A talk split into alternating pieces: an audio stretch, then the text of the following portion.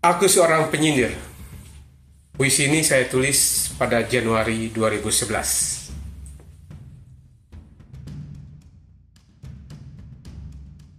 Aku adalah seorang penyindir, bukan penyair. Maka jangan cerca aku bila tak bisa beretika. Aku hanya bisa mengumbar senyum kepalsuan.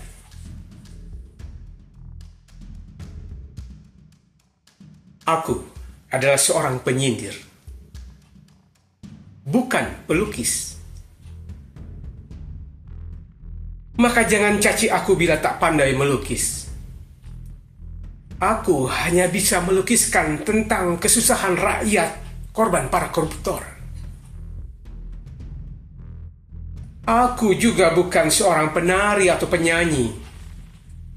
Maka jangan minta aku menari untuk merayakan kejayaan para koruptor atau menyanyi ketika sang koruptor berulang tahun di atas kapal pesiar.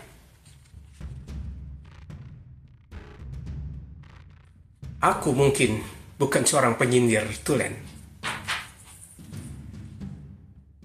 Maka maafkan jika sindiranku kurang mengena. Lantaran masih bisa ditafsirkan sebagai pujian oleh sekelompok pengacara para koruptor.